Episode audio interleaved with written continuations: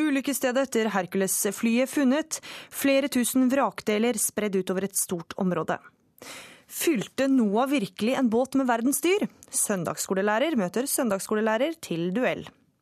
Han hadde bare hatt eh, jobben i en knapp måned da terroren rammet Norge. Denne uka ba han om unnskyldning. Politidirektør Øystein Mæland kommer til ukeslutt. Du hører på en podkast av Ukeslutt i NRK P1 og P2. Jeg heter Gry Veiby. I løpet av den neste timen skal du også få direkte rapport fra vår reporter som akkurat nå peser seg gjennom Birken. Vi starter denne sendinga med siste nytt om vraket etter det norske Hercules-flyet, som har vært savna siden torsdag. Redningsmannskaper fant lørdag formiddag vrakdeler spredd utover et stort område nær toppen av fjellet Kebnekaise. Og reporter her i NRK, Monica Martinsen, du er i Nikkaluokta i Sverige, like ved der letearbeidet pågår. Hva mer vet vi om det de har funnet?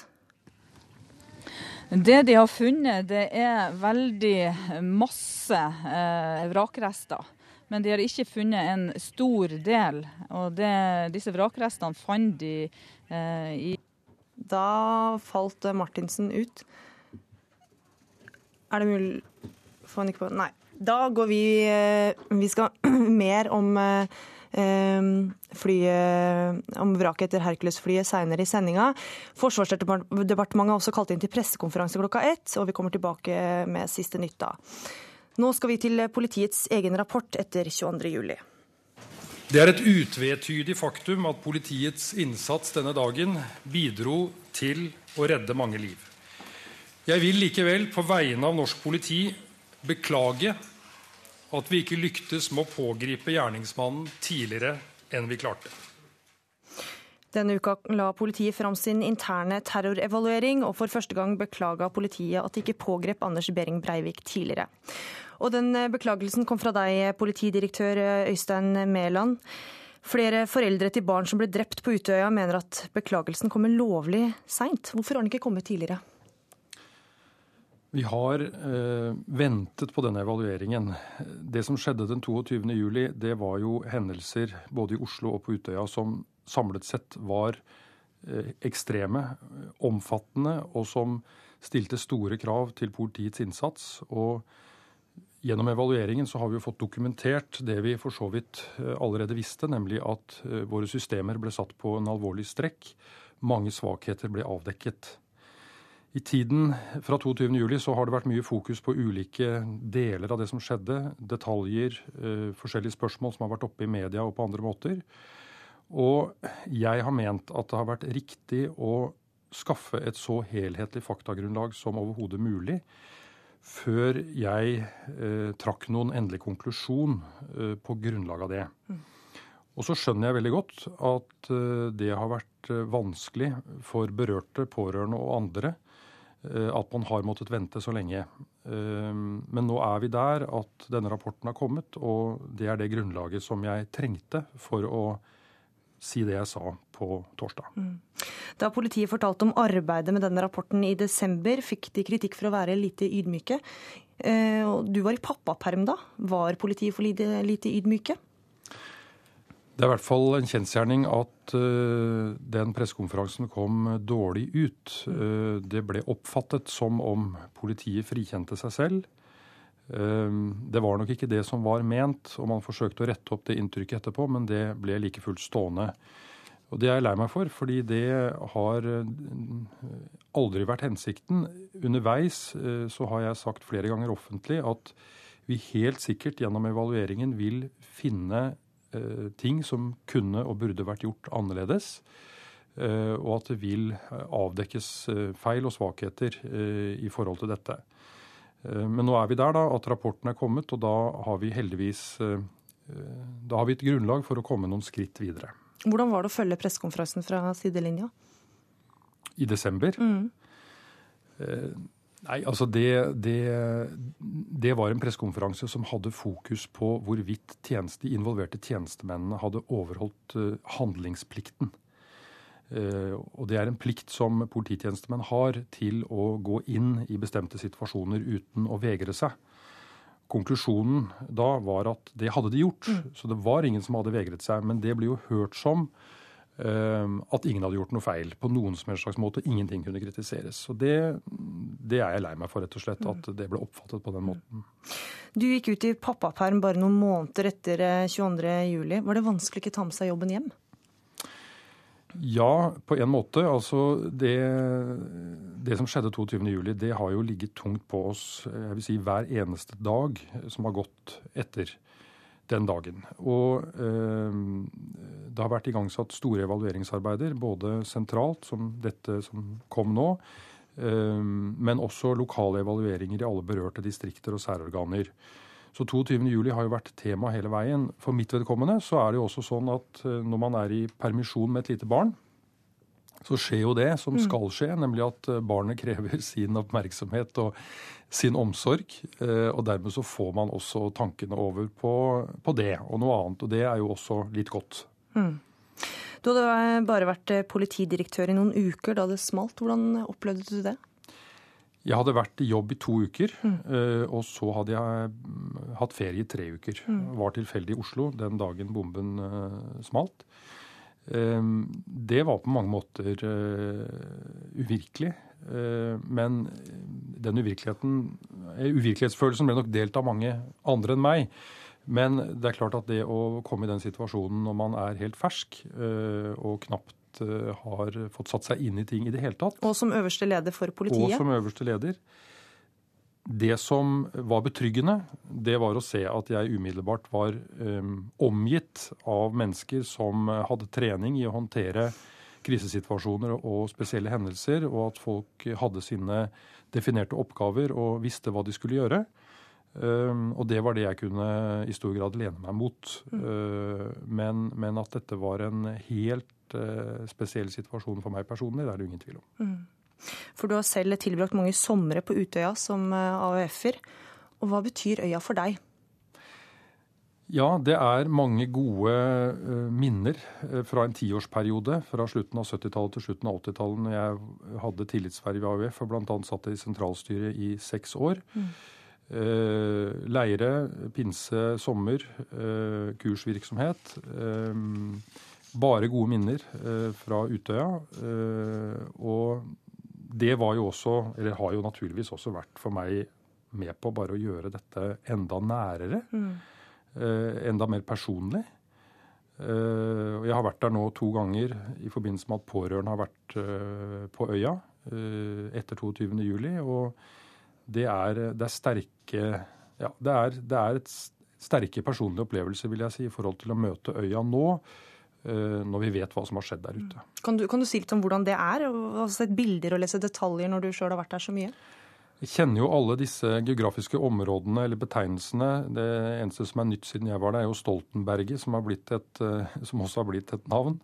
Men alle de andre stedene kjenner jeg, bygningene kjenner jeg. Eh, ja, nå har jeg vært inni dem og sett, sett dem som åsteder. Eh, hvor jeg har sittet og eh, Eller vi har sammen med andre deltakere da, sittet og hygget oss og diskutert politikk og hatt allsang og alt det andre man gjør når man er på en, eh, på en hyggelig leir. Mm. Det gjør det bare Ja, det gjør det bare nærere og, og på en måte sterkere.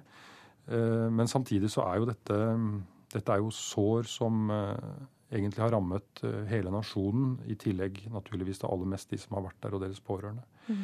Så um, det er jeg, jeg, har nok, når jeg har vært der ute, har jeg nok um, måttet jobbe litt for å, for å holde ting litt på avstand, rett og slett. Fordi mm. det, har, det, har, blitt veldig sterkt. Mm. Takk for at du kom til ukeslutt, politidirektør Øystein Mæland. Bygde virkelig Noah en eh, båt som han fylte med verdens dyr for å redde artene fra syndefloden? Ja, tror over halvparten av prestene og pastorene i en undersøkelse Vårt Land presenterte denne uka. Henrik Syse, du er eh, filosof og søndagsskolelærer i Den norske kirke. Du advarer mot å lære barn at eh, historien om Noas ark er en faktisk hendelse. Hvorfor det? Først vil jeg si at jeg tror også på denne historien. Jeg tror at den uttrykker noe veldig veldig viktig om forholdet mellom Gud og mennesker. At det er mye å lære av den, og at vi bør fortelle den. Det jeg synes er helt unødvendig, og det er de fleste teologer jeg kjenner helt enig med meg, det er også å måtte insistere på at det er en historisk nøyaktig beskrivelse av noe som faktisk har skjedd. For det var aldri hensikten med historien. Dette er en eh, form for profetisk historie, en form for mytisk historie, som forteller oss noe viktig, inspirert, vil vi kristne si, av Den hellige ånd. Og så må vi lytte til naturvitenskapen når vi skal finne ut akkurat hvordan sedimentære bergarter er blitt skapt. En av dem som tror Noas ark er basert på en historisk hendelse, er deg, Kåre Skuland. Du er søndagsskolelærer i pinsemenigheten Jesus Church. Hva sier du til barna når de spør om Noas ark er sant? Da sier jeg at eh, ja, Noas ark er sant. Og jeg tenker sånn at Jesus han henviste til mange eh, personligheter i Det gamle testamentet. og og omtalte Noah i samme åndedrett som andre sånne personer. Så jeg tror ikke Jesus skilte på at eh, Noah og Adam var mytiske, mens eh, David var en historisk person. Så jeg er mer i den kategorien, da. Så jeg tror at dette er sant. og jeg tror ikke det er vanskelig for barna å, å, å, tro på det mirakuløse, for det er jo også noen biter av denne historien her som helt klart man, man trenger å tro på mirakler eller det overnaturlige for at det skal henge sammen.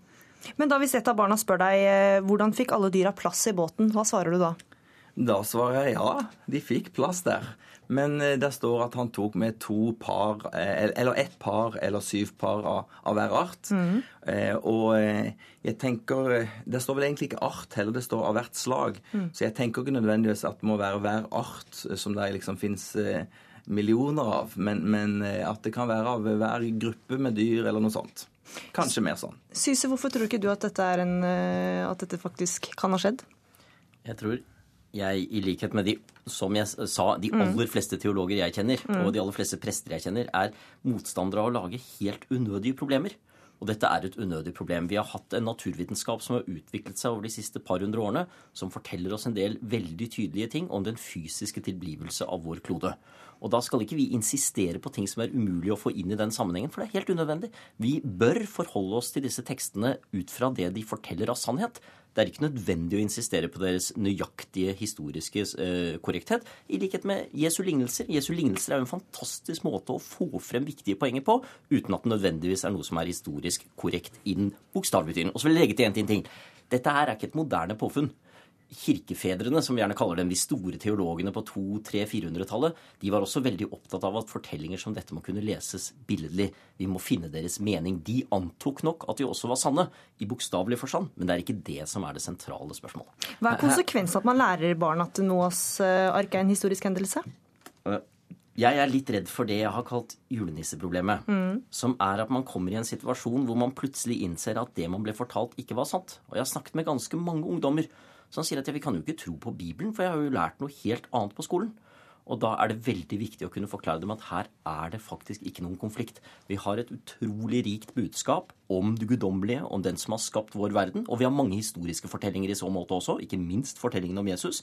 Men vi trenger ikke tvinge Bibelen inn i en sånn boks, og dermed i realiteten frata folk troen på samme måten som de mister troen på julenissen. Ja, Skuland, de mister troen på samme måte som med julenissen. Ja, altså Her tror jeg nok at argumentasjonen til en ellers eminent eh, filosof er litt sviktende. Fordi den kristne troen er sånn at det er mange historier hvor vi må komme over i trosgir. Vi får ikke logikken til å henge helt sammen. Det gjelder også vår hovedperson Jesus som døde og sto opp igjen. Det er vanskelig å forstå det med bare tanken, men man kan gripe det med hjertet sitt og mm. troen, da. Mm. Så, så, jeg tror ikke den logikken eh, holder, fordi barna vil før eller siden, når de vokser opp, måtte tro også. Mm. Men samtidig så, så, er vi jo enige, med og, og eh, Syse, om, om, at denne historien har mange lag. Og, og, personlig så tror jeg på at eh, flommen var en global eh, hendelse. Eh, men det går faktisk an også å lese de kapitlene og også, tenke at det er en lokal fysisk eh, eller historisk hendelse. Det, det, går an. Men mitt inntrykk når jeg leser, er at det er globalt. Og så fins det jo f.eks. Noen sier 150, noen sier 250 forskjellige myter og historier fra alle kontinenter, alle land, som forteller om en global og en stor flom. Og jeg tror dette er en del av menneskehetens kollektive minner og peker tilbake på samme historien. da. Mm. Og så er det jo masse å diskutere rundt eh, det rent vitenskapelige og sånn her, da, mm. men det får vi vel sikkert ikke tid til nå. Mm. Syse? Jeg vil bare legge til at jeg selvsagt er enig med vår gode venn Skuland her i at eh, vi skal ikke presse ting inn i vår logikk. Om noen uker så skal vi feire påske. Vi skal feire oppstandelsen. For det er jo visse logiske brister ja. i Bibelen allerede. Jeg vet ikke om jeg vil kalle det logiske brister, men jeg vil kalle det mirakler. Jeg vil kalle det en gud som faktisk griper inn i vår verden, som kan faktisk handle i universet. Og det tror jeg, ellers så ville jeg aldri ha vært søndagsskolelærer, som er noe av det fineste og viktigste jeg er. Men jeg tror vi skal ha et nyansert syn på Det gamle testamentet. Jeg tror det faktisk gjør oss mye bedre, og at det hjelper oss til å ta Bibelen mye mer på alvor. Men i hovedsak står jo vi to sammen i hva vi gjør, og hvorfor vi gjør det. Helt til slutt, Skulan, Skuland. Hva, hva spiste rovdyrene i Noas ark? Ja, det, den menyen der var sikkert spesiell, men altså, det står jo noe om at han tok med seg en del mat. og så fikk han eh, også syv av de rene dyrene, syv par av de rene dyrene, så kanskje de også hadde noen kjøttmåltider og, og slakta noen av de rene dyrene. Det, det, kan godt tenkes. Men det er et spørsmål jeg ikke har brukt mye tid på, og kommer ikke til å bruke mye tid på det heller. Takk for at dere var med i Ukeslutt, Henrik Syse og Kåre Skuland. Ukeslutts reporter Jelena Kabo traff søndagsskoleelever ved Oslo Kristne Senter som ikke er i tvil om at Noas ark er noe som faktisk har skjedd.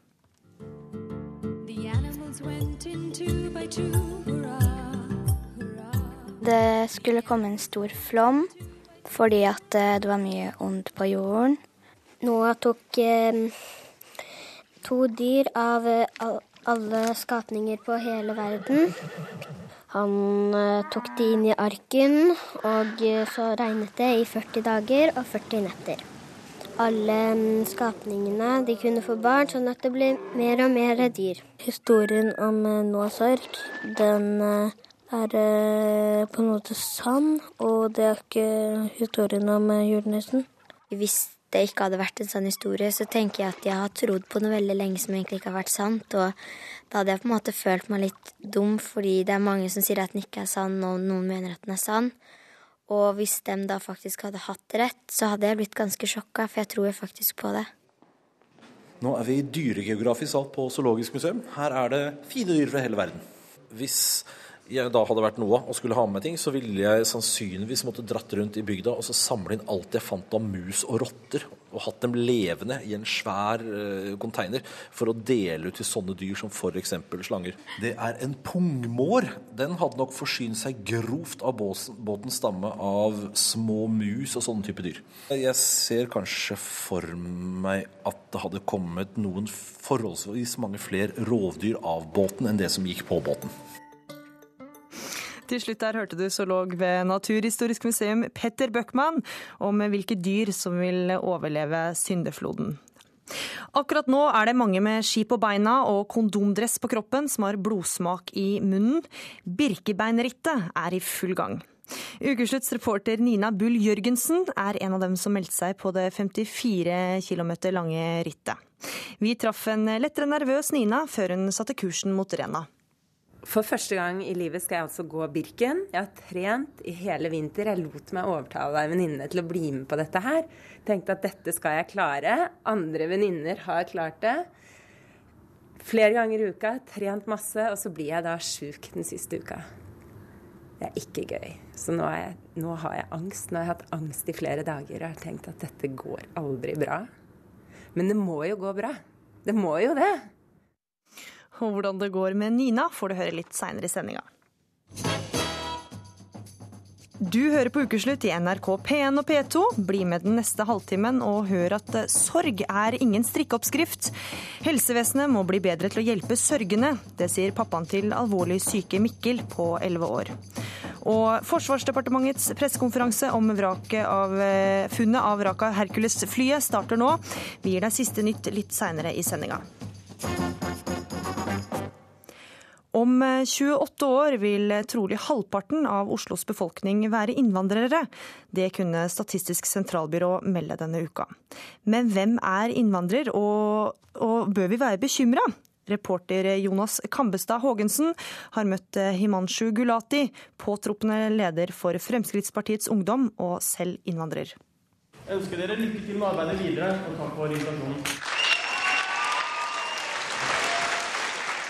Himanshu Gulati, 23 år fra Lillestrøm, blir godt mottatt på årets elevting i Oslo. Gulati blir neste helg valgt til ny leder av Fremskrittspartiets ungdomsorganisasjon.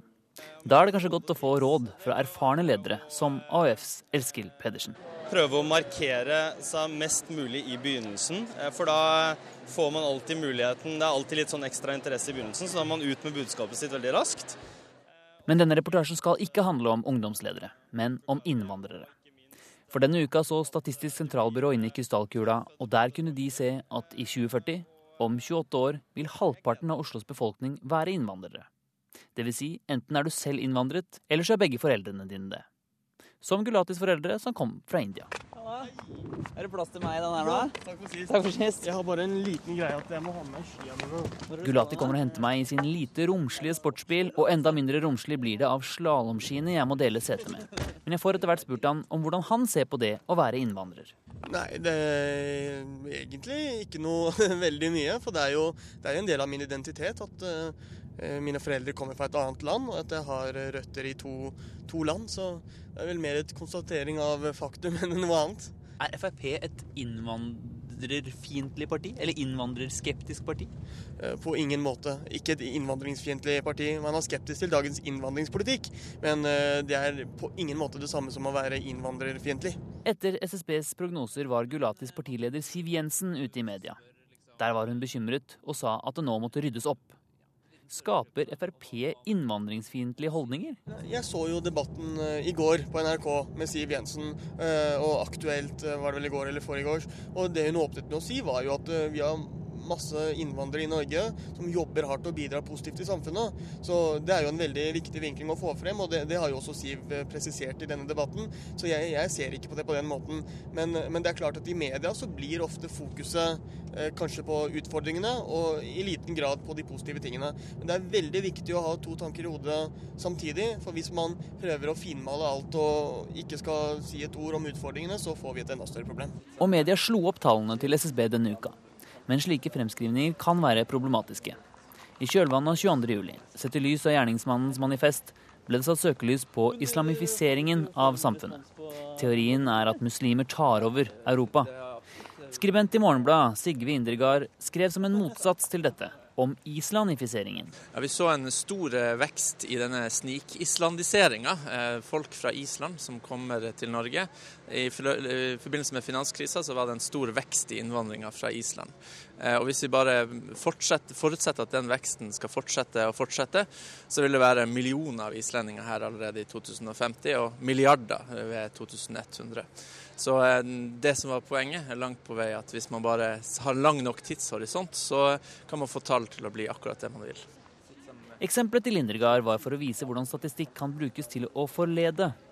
Viktigere enn hvor folk kommer fra, er hvem de er og hva de vil i fremtiden, sier Indregard. Det er klart at Mye viktigere enn akkurat hvilket land folk kommer fra, er om de har mulighet til jobb, om de har mulighet til skole, om de, eh, hvilke, hvordan familieforholdene fungerer. Eh, og det, det, er mange ting vi kan gjøre som påvirker utfallet. Så akkurat hvor de kommer fra, er kanskje det minst interessante oppi det hele. Jeg tok med meg Gulati til Sogn videregående skole i Oslo, hvor ca. 30% av elevene har minoritetsbakgrunn.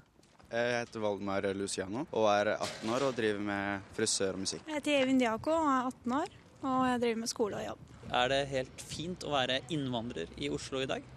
Ja, det syns jeg. Synes jeg har ikke noe dårlig følelse av det.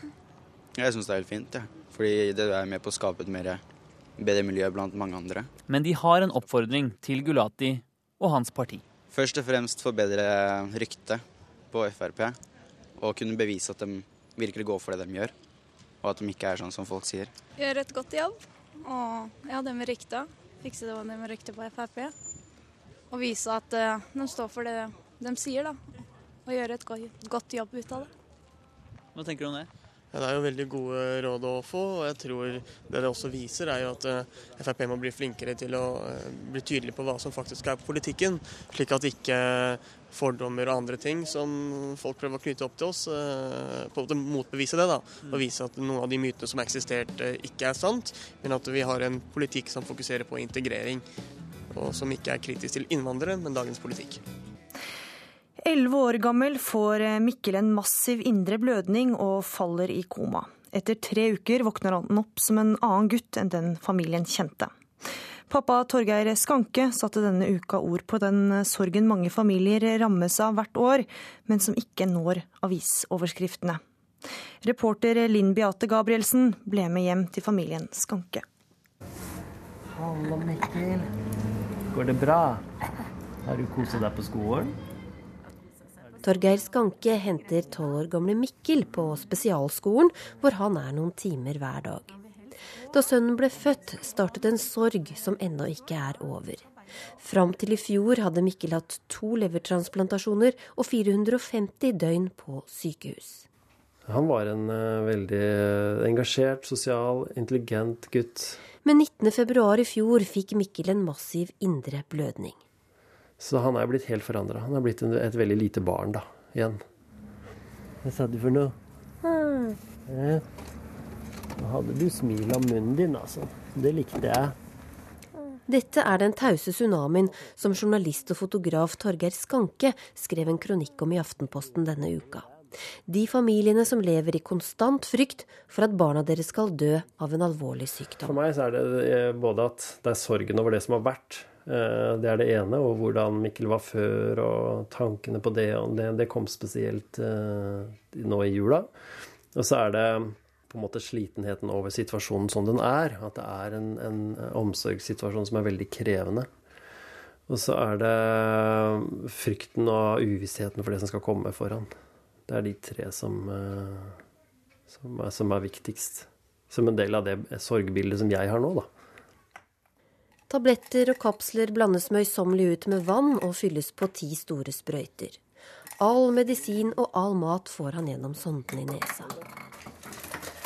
Mikkeland får eh, ca. 30 medisiner om dagen. 30 eller medisineringer, da. Doser med forskjellige ting. En av de tingene Torgeir er opptatt av, er hvordan gamle teorier fortsatt preger sorginformasjonen man får på sykehuset pasientrommene på Rikshospitalet så ligger en perm med forskjellig slags informasjon. Der også står det at det er noen som har putta inn et, et, ark om sorg og sorgens faser av den svenske professoren i psykiatri Johan Kullberg, som har definert at sorgen har fire faser. Det begynner med sjokkfasen og osv. Og, og det står jo til og med at en av fasene varer i fire til seks uker. Og dette her har jeg diskutert med, med bl.a. etterlatte til selvmord, for jeg skrev en reportasje om det som er litt fortvila over å bli eh, noen ganger satt i bås i den faseteorien. Nå er du i den fasen, og nå er du i den fasen. Og da, problemet da er at hvis man kommer til det som er definert som siste fase, da, så kan folk tenke at ja, men nå er jo han snart ferdig med å sørge. Men sånn er det ikke, for sorgen går i bølger. Og noen kaller sorgen for pendling. At det er noe man må gå ut og inn av. Eh, og at ikke det fins noe skjema, det er ikke noe strikkeoppskrift. da. Er dette noe som det burde vært tatt tak i, syns du? Jeg syns det, det, er en helt naturlig ting som det burde vært mer kunnskap om i helsevesenet. Og de beste til å fortelle om dette her er pårørende. Så det, det fins masse kunnskap om det her, men det må komme bedre fram. Jeg tror de som jobber i helsevesenet og andre mennesker, har kunnet ha god nytte av å vite litt om det. Hei, Pia. Hei. Hvordan har det vært på skolen i dag? Bra. Det bra. Pia er Mikkels lillesøster på ti år. Grundig håndvask og desinfeksjon er rutine før hun går inn til broren i stua. Har du fått ny bok av mamma? Den? Thomas-toget. Hvem er det, da? Hm, Thomas-toget. Hvordan reagerte vennene dine og klassekameratene? Hva sa de til deg? Det er ikke så veldig mange som har sagt, uh, sagt liksom så mye, liksom. De, det eneste de spør om, det er, eller sier, da, det er at uh, det er jo hvordan det går, går med Mikkel. Jeg tror ikke, tror ikke de vet helt hva de skal si. Er det noe du selv skulle ønske at folk hadde gjort eller sagt, eller Det hadde jo vært fint om de liksom hadde spurt hvordan det gikk med meg også, så de kunne skjønt uh, hvordan det var egentlig. Hvordan har du det, da? Eh, på skolen så har jeg det egentlig ganske fint med venner og sånn. Men det er ikke alltid det er så lett når jeg kommer hjem, da. Hva syns du er eh, vanskelig, da? Mm, før så kom jeg hjem, og da pleide vi å krangle og sånn. Men nå, nå kommer jeg jo til henne, og så leser jeg og sånn. Kunne Bolle og botti for den passe Norge mens hun er borte. Fint. Han kommer med Ti-toget. Oi, den er ti på. Jeg husker vi kom inn på Rikshospitalet en søndag kveld. Her var det gamle Rikshospitalet. Og da gikk jeg til en lege, en av overlegene, på nyfødtintensiven. Så sa jeg da at hvis, hvis vi får en dårlig beskjed nå, så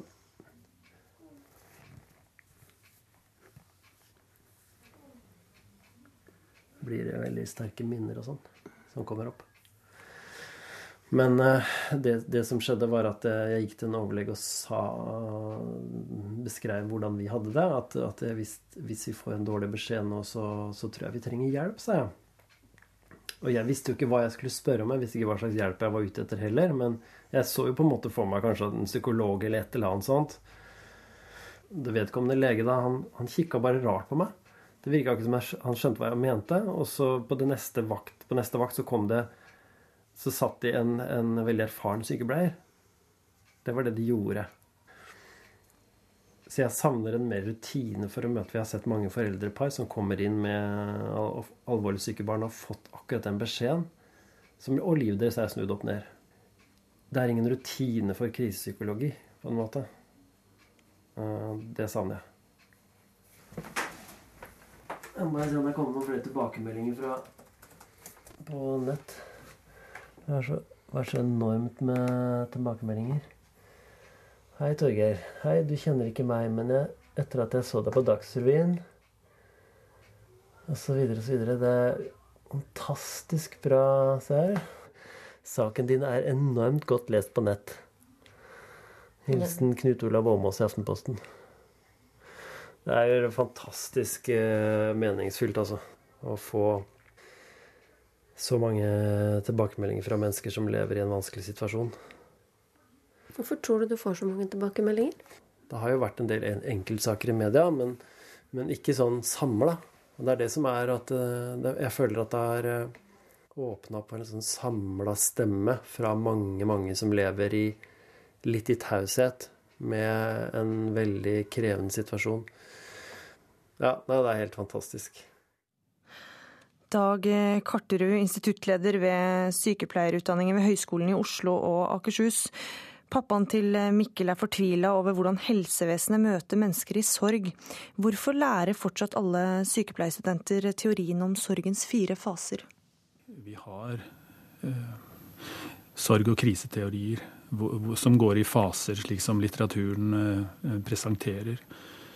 Men hvordan du skal møte folk i sorg og kriser, det må jo være å tilpasse en generell teori til både tid og sted og person og, og situasjon. Og det er jo det som er utfordringen og, og kunsten, kanskje. For det pappaen her kritiserer, er jo det å beskrive sorgarbeid så kategorisk. Mm. Hva tenker du om det? Nei, jeg tror ikke man skal gjøre det. Eh, Jeg har jo hatt disse temaene sjøl, og prøver også å nyansere det på den måten at uh, om, om dette kan være noen knagger å henge kunnskap på, så må det, må det tilpasses. Fordi disse fasene de går jo om hverandre og fram og tilbake, og det tar kort tid, det tar lang tid. og Utfordringen tror jeg for oss i utdanning er å hjelpe studenter og andre til å se nytten av det i situasjoner som kan være veldig ulike og, og veldig spesielle. Og som kanskje ikke ligner den situasjonen man tegnet i et eh, klasserom for, for studenter når man introduserte dette teoretisk. Da. Men er det da på tide å kanskje revidere teorien? Ja, jeg tror det er, eh, det, er, det er et kontinuerlig arbeid, det å revidere litteratur og diskutere hvordan, hvordan tematikk eh, tas opp eh, i undervisning, og hvordan det følges opp eh, i praksisstudier, i kliniske studier, som vi har, har veldig mye av. Eh, men det er, innenfor disse temaene her så er det ikke noe standard prosedyre for hvordan du skal forholde deg, og det er ofte det som er, er vanskelig og utfordrende i, i denne type, innenfor denne type temaer. For det er ikke noe sånn fra A til B. Eh, eh, kunnskap som vi kan presentere, som de kan memorere, som de kan bare kopiere når de kommer ut i, i, i praksis og møter disse pasientene som, og pårørende da, som opplever disse fæle tingene. Mm. Er helsepersonell i dag godt nok uh, utrusta til å takle mennesker i sorg? Nei, jeg tror det er noe vi alltid kan bli bedre på. Uh, uh, men vi, vi, bruker tid på det, vi bruker mye tid på det. Og våre studenter, uh, sykepleierstudentene som, som, jeg kjenner best, de, de, de møter jo i hvert fall til og fra i halvparten av sin studietid pasienter og, og pårørende. Så du får en del erfaring med å takle og møte mennesker som har, har det vanskelig. Når de stille katastrofene rammer, ankommer ingen krisepsykologer, skriver Karterud i en kronikk i Aftenposten denne uka.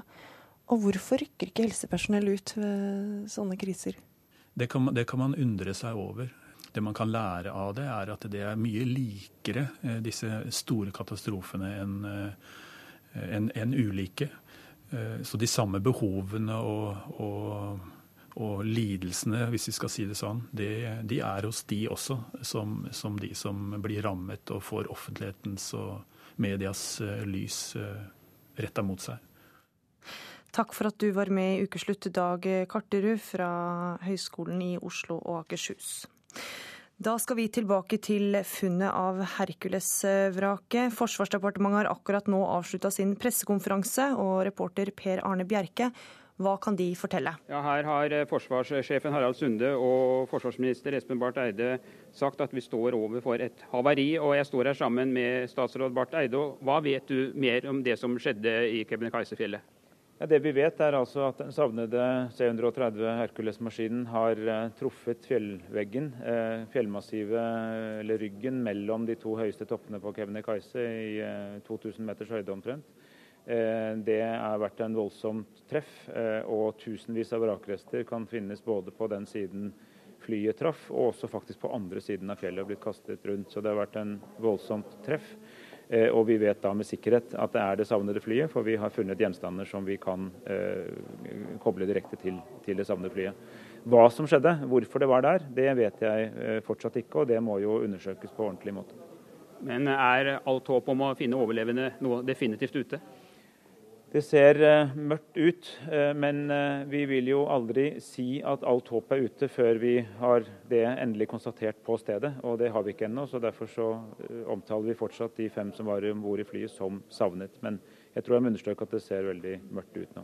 Hva slags oppfølging får de pårørende fra Forsvaret? De er, eh, det er altså et pårørendesenter med utgangspunkt i, i, Gardermoen som gir dem all den uh, oppfølging det er mulig å gi. og eh, Der har de vært samlet en stund nå, mange av dem, og, og, alle har tilbud om å være der. og, og Forsvaret har en profesjonell organisasjon i gang for å ta vare på dem. De er jo blitt informert om disse, siste, den siste utviklingen i saken en, en, en, stund før det gikk ut i media, og, og blir håndtert nå.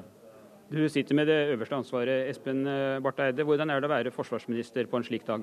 Det er selvfølgelig en tung dag når vi eh, mister eh, Når vi har en sånn flyulykke og har folk som er savnet og som det ikke ser noe bra ut for. Det er en tung dag for meg, men jeg tenker mye mer på de pårørende og den uvissheten de har levd med. Det har vært veldig viktig for meg når situasjonen nå en gang var som den var, at vi hadde fullt trykk på å finne ut hva som hadde skjedd. Eh, nå vet vi altså eh, hvor flyet har truffet, eh, at flyet har truffet fjellveggen. Og, og, og, det er tross alt en visshet som kanskje kan gjøre at det blir litt noe enklere å forholde seg til dette fremover, men det er jo en veldig veldig vanskelig situasjon.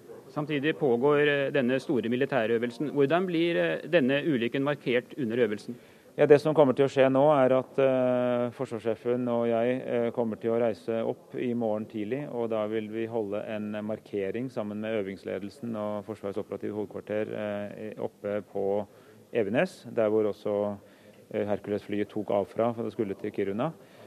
og Det vil da bli en stridspause, eller en øvelsespause, og det vil bli tilpassede markeringer rundt i hele øvelsesområdet. For dette berører jo ikke bare de norske soldatene, men selvfølgelig også våre eh, allierte. Og jeg har fått telefoner fra allierte eh, og nordiske kolleger som uttrykker medfølelse til, eh, til, meg, som jeg skal ta videre til det norske folk.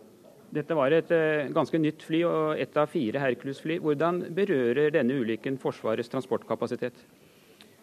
Ja, I dag vil jeg fokusere mest på hvordan det berører, i tillegg til pårørende, selvfølgelig kolleger i Forsvaret, og ikke minst i denne, denne, avdelingen som flyet hørte til. Så får vi komme tilbake til hva vi gjør med selve flymaskinen. Jeg er i dag mest opptatt av menneskene. Takk skal du ha, forsvarsminister Espen Barth Eide. Og det er altså konstatert at det savnede Hercules-flyet har styrtet i Kebnekaise. Mm. Det blir mer om eh, denne saken utover i NRKs nyhetssendinger. Da skal vi tilbake til Birkebeinerrennet, som arrangeres for 75. gang. Og ukesluttsreporter Nina Bull Jørgensen, du har nå gått på ski siden klokka ti. Angrer du på at du lot deg overtale til å gå? Nei, det, det gjør jeg ikke.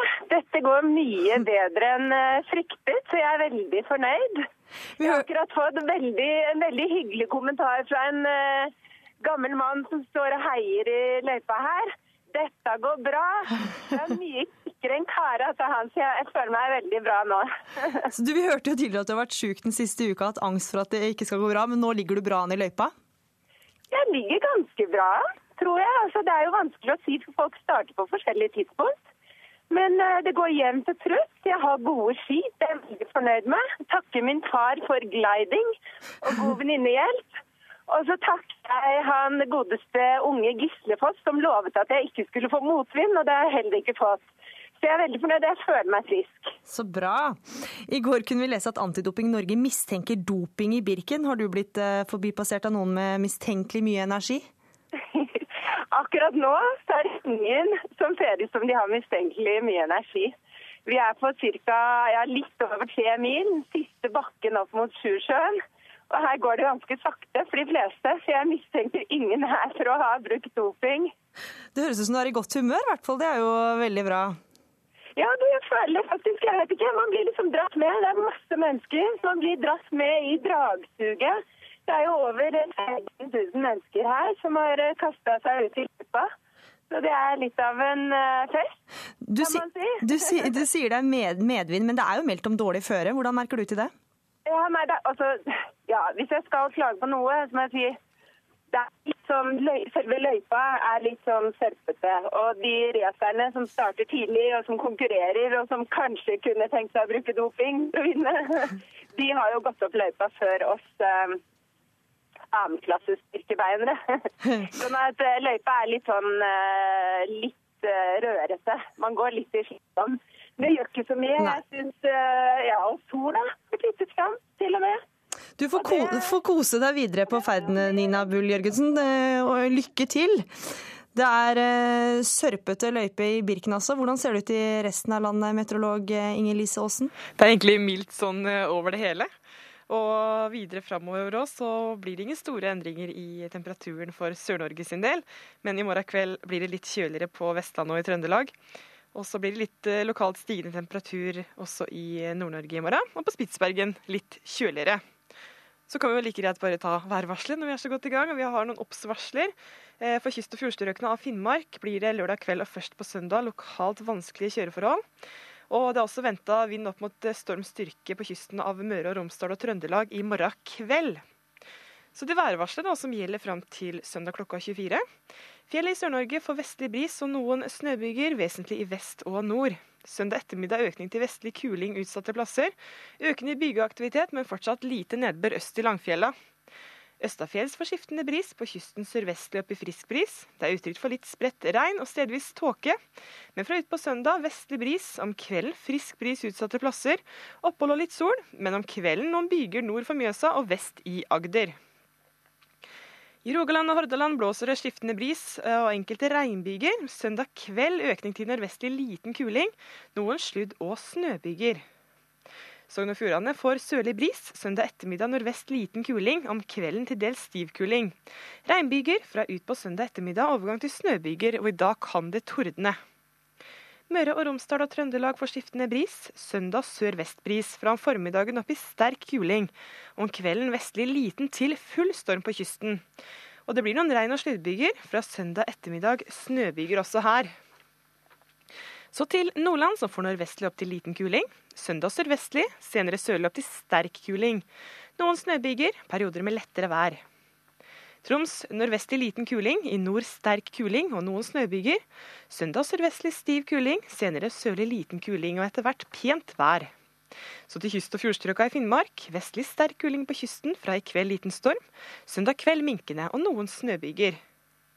Vidda får vestlig bris og opphold. Fra i kveld vestlig frisk bris. I nord sterk kuling. I nord enkelte snøbyger og snøfokk. Fra søndag ettermiddag sørvestlig bris og pent vær. Nordensjøland på Spitsbergen får litt snø i øst, ellers opphold. Takk til deg. Syns du det var fint å få været her i ukeslutt, så er det bare å venne seg til det. Vi kommer til å ha et lite værvarsel hver lørdag framover.